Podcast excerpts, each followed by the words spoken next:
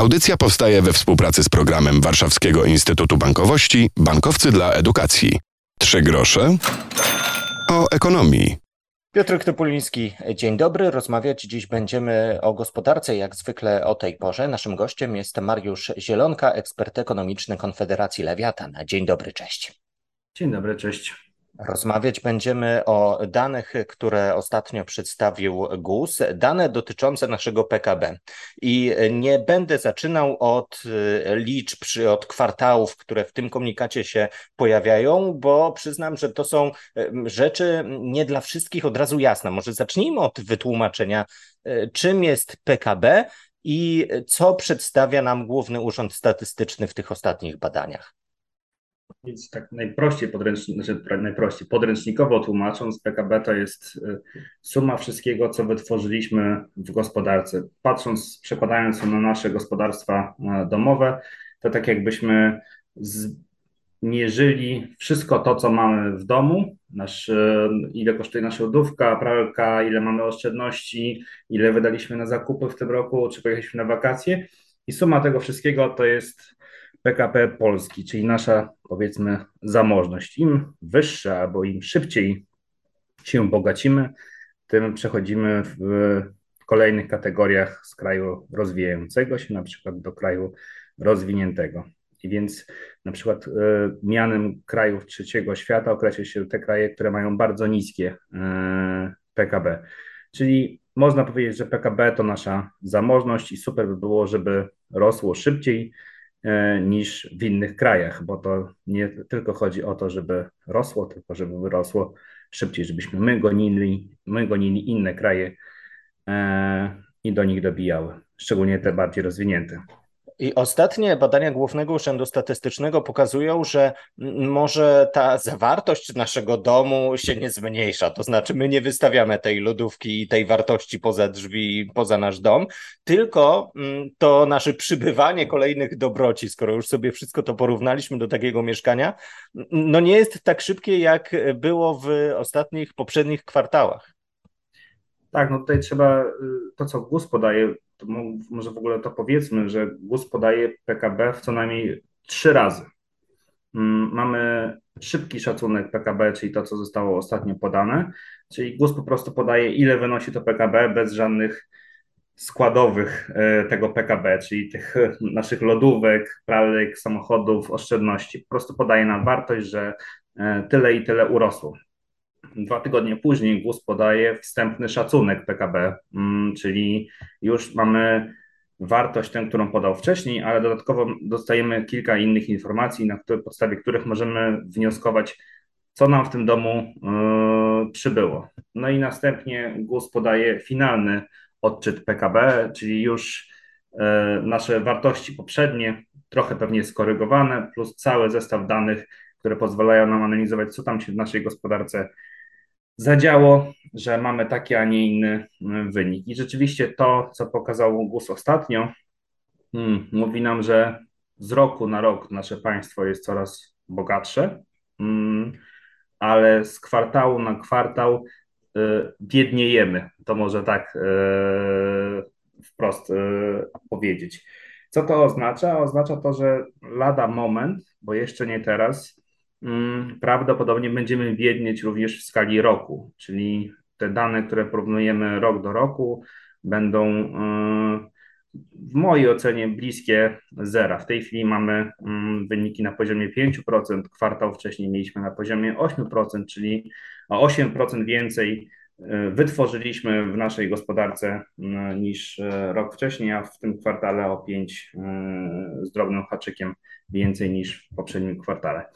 I e, problem z tym PKB, no bo w sumie rośnie, więc czemu się wszyscy zaczynamy zastanawiać, e, że spada, trochę tak pogmatwane, to wszystko. Problem z tym PKB polega na tym, że można sobie, mm, znowu przechodząc na ten e, gospodarstwo domowe, możemy sobie dokupić coś, co jest, albo dużo rzeczy kupić, które są taniej, powiedzieć, że jesteśmy bogaci, albo możemy zainwestować w jakąś jedną konkretną dużą rzecz i wtedy mówimy, że nasz, e, nasz rozwój naszego gospodarstwa domowego jest dużo bardziej trwały. I tak się dzieje niestety z naszym PKB, czyli opieramy nasz rozwój na kategoriach, które są kompletnie nietrwałe. To jak spojrzymy sobie w te dane za poprzedni kwartał, bo tak jak mówiłem, te najnowsze to tylko po prostu e, kilka e, liczb, które niewiele mówią, możemy się tylko domyśleć, co tam jeszcze siedzi w środku.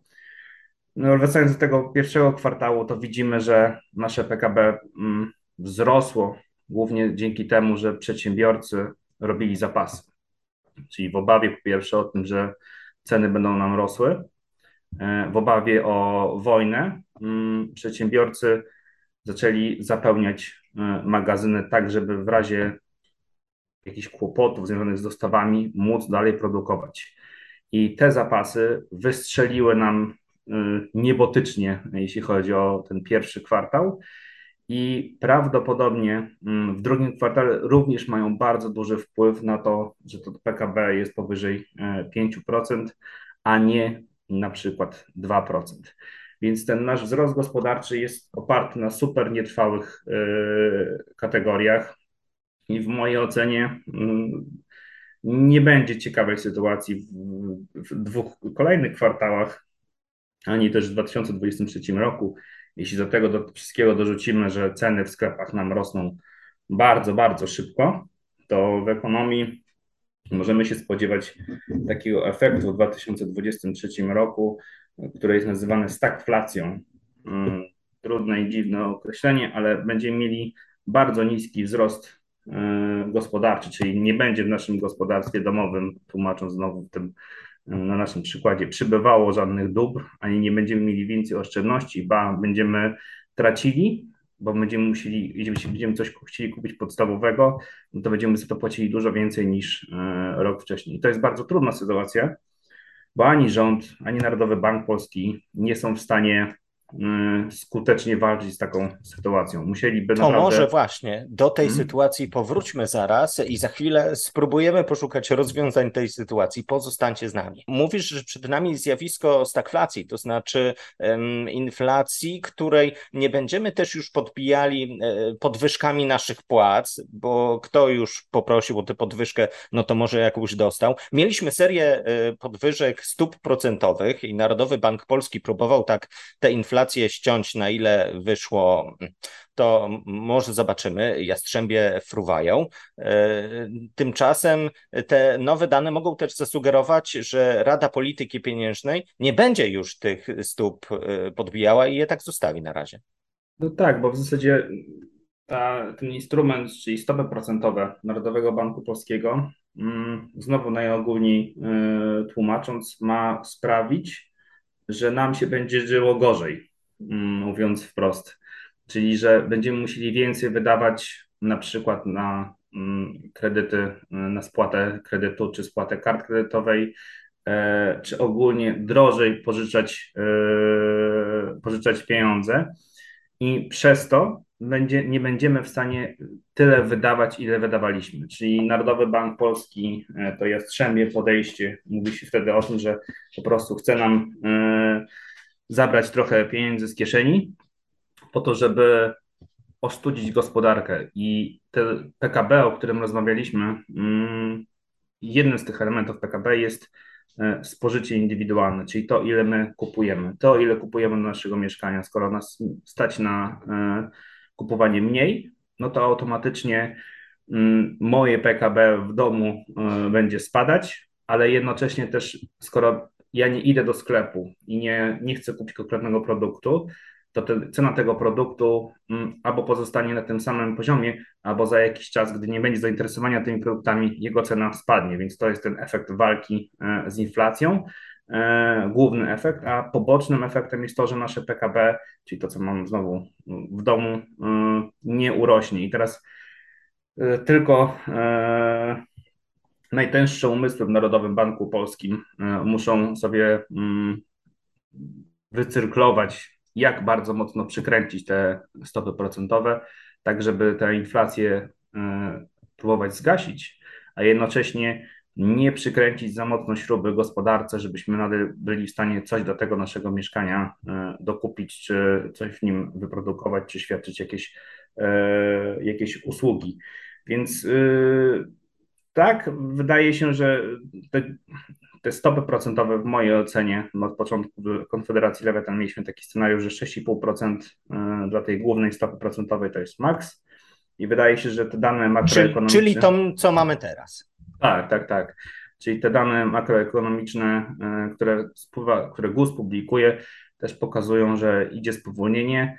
Mm, ja nie wierzę trochę w to, że mm, jesteśmy w stanie w tej chwili skutecznie walczyć e, z inflacją, bo w mojej ocenie ona jest całkowicie, tu się zgodzę, się rzadko zgadzam z prezesem Glapińskim, e, pochodzi z zewnątrz.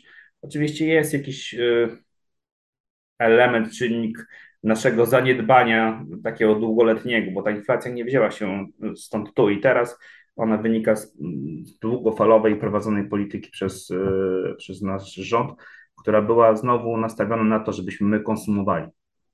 Nam dawano podwyżki, nam dawano świadczenia e, socjalne po to, żebyśmy wydawali e, te środki na rynku. Zresztą taka narracja. No, różnego rodzaju dodatki węglowe również nie, nie sprawiał, że inflacja będzie spadała.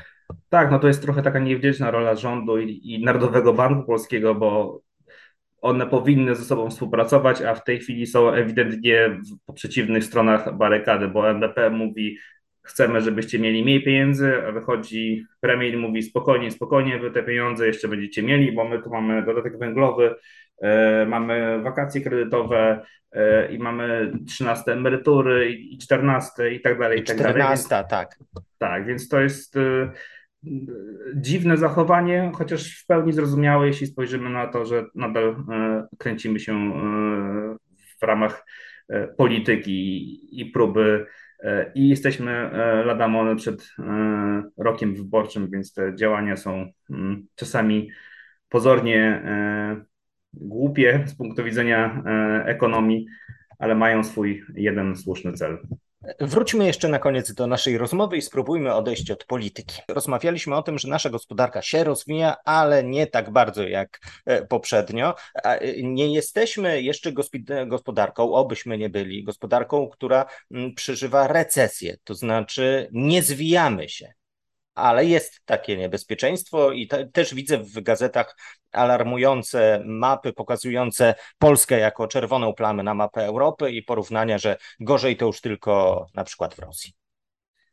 Znowu to y, statystyka jest taką piękną nauką, która mówi o tym, y, że mm, jeśli chcemy udowodnić jakąś tezę, to na pewno znajdziemy y, na jej udowodnienie odpowiednie dane. I w zależności od tego, co weźmiemy, i te nagłówki, o których mówisz, które się pojawiają w gazetach, że jesteśmy, zresztą to też jest prawdą, mamy najsłabszy wzrost kwartał do kwartału, czy największy spadek w zasadzie produktu krajowego brutto, czyli z kwartału na kwartał nasza e, gospodarka się e, kurczy i to mówimy o takim ładnym zjawisku recesji technicznej, czyli mm, niby rośniemy, ale de facto e, nam spada. No i biorąc te dane kwartał do kwartału, rzeczywiście mamy największy spadek w całej Europie, jeśli chodzi o drugi kwartał.